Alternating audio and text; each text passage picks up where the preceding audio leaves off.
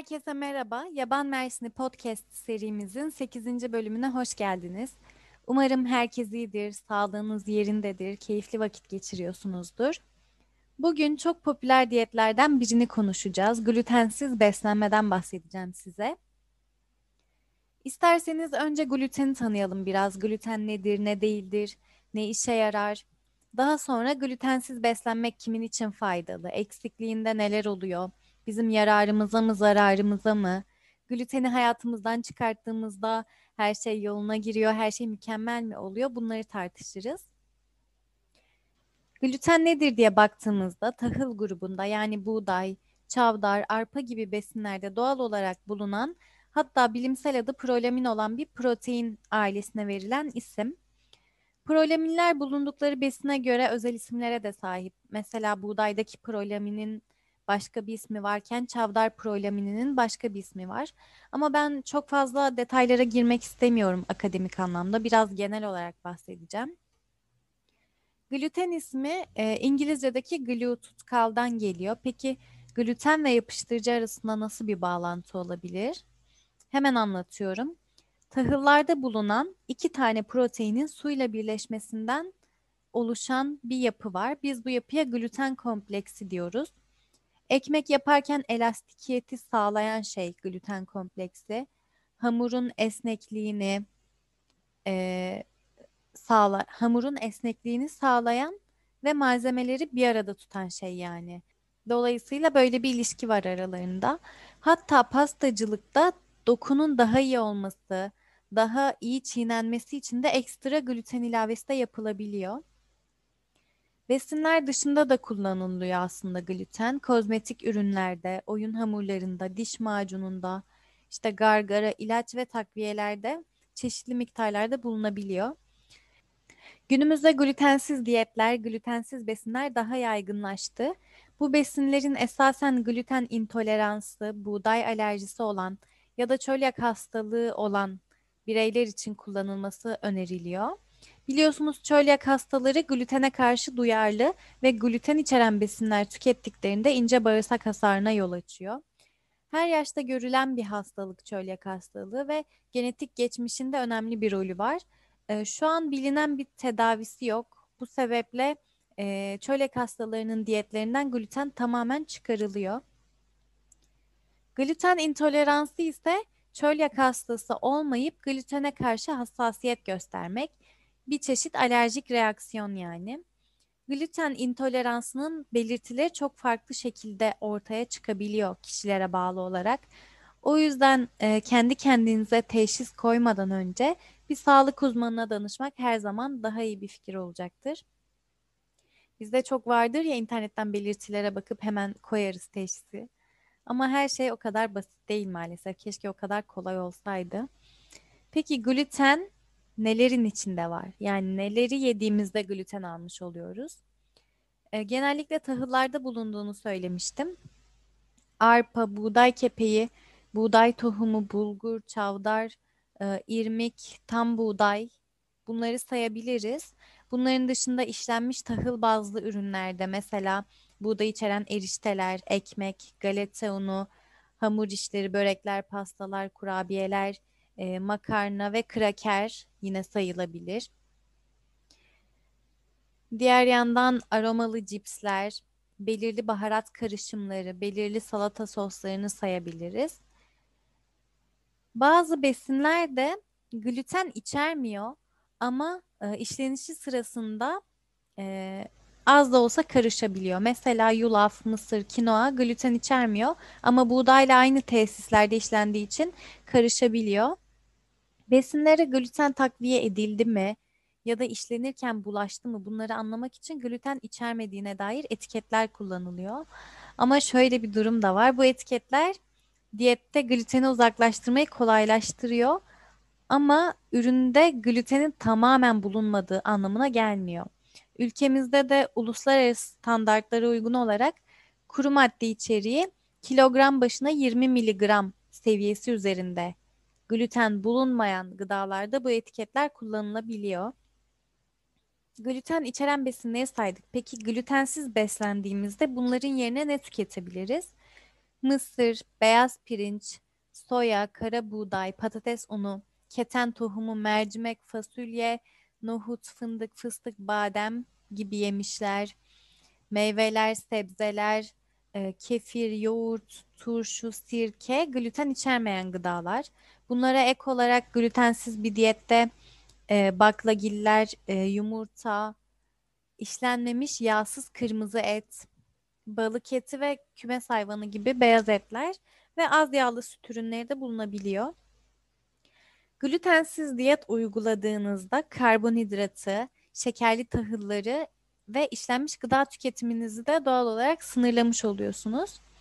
Aslında kısa vadede bakıldığında iyi bir şey gibi görünüyor. Yani ilk başladığınızda hamur işleri, makarna, simit gibi besinleri tüketmiyorsunuz. O yüzden bir miktar zayıflama görülebiliyor. Ama tam tahıllı gıdalar iştah kontrolü, kalp damar sağlığı, insülin direnci gibi birçok hastalığa karşı koruyucu. Hatta bağırsağımızdaki iyi bakterilerin sayısını arttırıyor. Ayrıca tam tahıllar yüksek miktarda B grubu vitaminleri içeriyor, B12 hariç. Demir, magnezyum ve çinko minerallerini de önemli ölçüde içeriyorlar. Dolayısıyla bunları göz önünde bulundurarak ve uzun vadeli düşündüğümüzde karbonhidrat tüketimi sınırlandırılınca e, ne tüketeceksiniz? Çoğunluklu olarak yağlar ve proteine yönelim olacak. Bu çok mu faydalı peki? Aşırı protein tüketimi karaciğeri ve böbrekleri yorarak kanda üre ve ürik asit problemi oluşturuyor. Diğer yandan düşük karbonhidrat ve aşırı yağlı beslendiğinizde kanda keton birikmesine sebep oluyor ve safra keseniz yoruluyor. Yani yağlı ve protein ağırlıklı beslenmeye geçince kalp ve damar hastalıkları riski, obezite riski de artabiliyor. Hatta şunu sizle paylaşayım. 2017 yılında Harvard e, bir çalışma yapıyor 100 binden fazla çölyak olmayan kişiyle. Bu çalışma sonunda glutenin kalp hastalıklarına neden olmadığı, tam tersine gluteni beslenmelerinden uzaklaştıran sağlıklı bireylerde kalp hastalıkları riskinin arttığı bulunmuş. Yani sağlıklı beslenmek istiyorsak gluteni tamamen hayatımızdan çıkarmak yerine mesela rafine un değil tam buğday unu veya ekşi maya kullanarak yapılmış ekmeği tercih ederek bunu da ihtiyacımız olan miktarda tüketirsek yine sağlıklı beslenme adına bir adım atmış oluruz. Ki zaten her şeyin fazlası zarar. Beslenmede ölçü çok temel bir kavram. Sürekli bundan bahsetmeye çalışıyorum.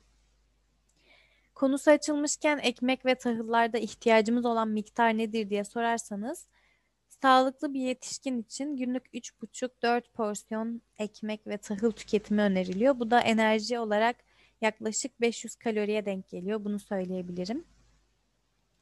Glutensiz beslenme ile alakalı da son olarak şunu söyleyeyim bir olaya bir pencereden bakmamak gerekiyor bence. Yani bütün bunları göz önünde bulundurarak glutensiz beslenmeye geçiş yapılmalı diye düşünüyorum. Bir de işin magazin boyutu bizi çok etkiliyor. Sosyal medyadan gluteni hayatımdan çıkardım, işte çok iyi hissediyorum, çok zayıfladım, cildim güzelleşti gibi haberleri duyunca aa diyoruz demek ki iyi bir şey hemen ben de yapayım. Ama sağlığın söz konusu olduğu her durumda bilinçli hareket etmek gerekiyor. Bizim iyiliğimiz her şeyden önemli. Benim söyleyeceklerim bu kadar. Kendinize değer verin. Kendinize çok iyi bakın.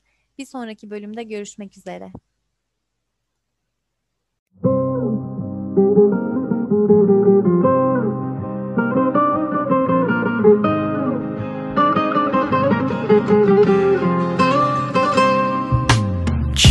kaldı, kimileri geçti. Boşa didindi yanlışı doğrusu bak. Konuşuyor hala. Sana bana kalmaz her şey fani. Herkese tonla bize ise koklatıyor Şu yalan dünya. Dönüp dönüp duruyorum etrafında Görmüyor musun? Aklım kaçıyor bir bak Biliyorsun sorma. Dolduruyorum ceplerimi seninle Suya attım tek tek batıyor anılar.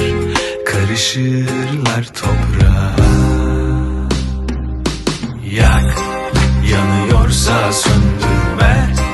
Alev alsın öldürme. Kimi kimlere kırdırıyor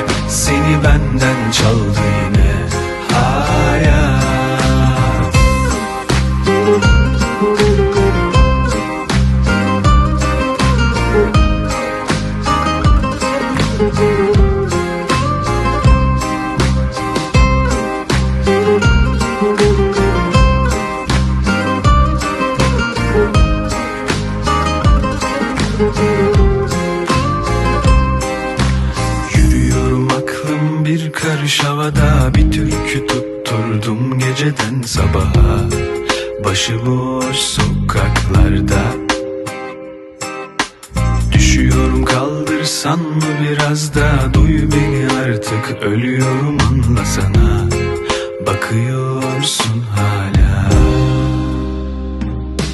Yak yanıyorsa söndürme. Alev alsın öldürme. Kimi kimlere kırdırıyor hayat? Bırak içiyorsak bir sebebi var Kışa döndüm geçti bahar. Seni benden çaldı yine hayat Yak yanıyorsa söndürme. Alev alsın öldürme.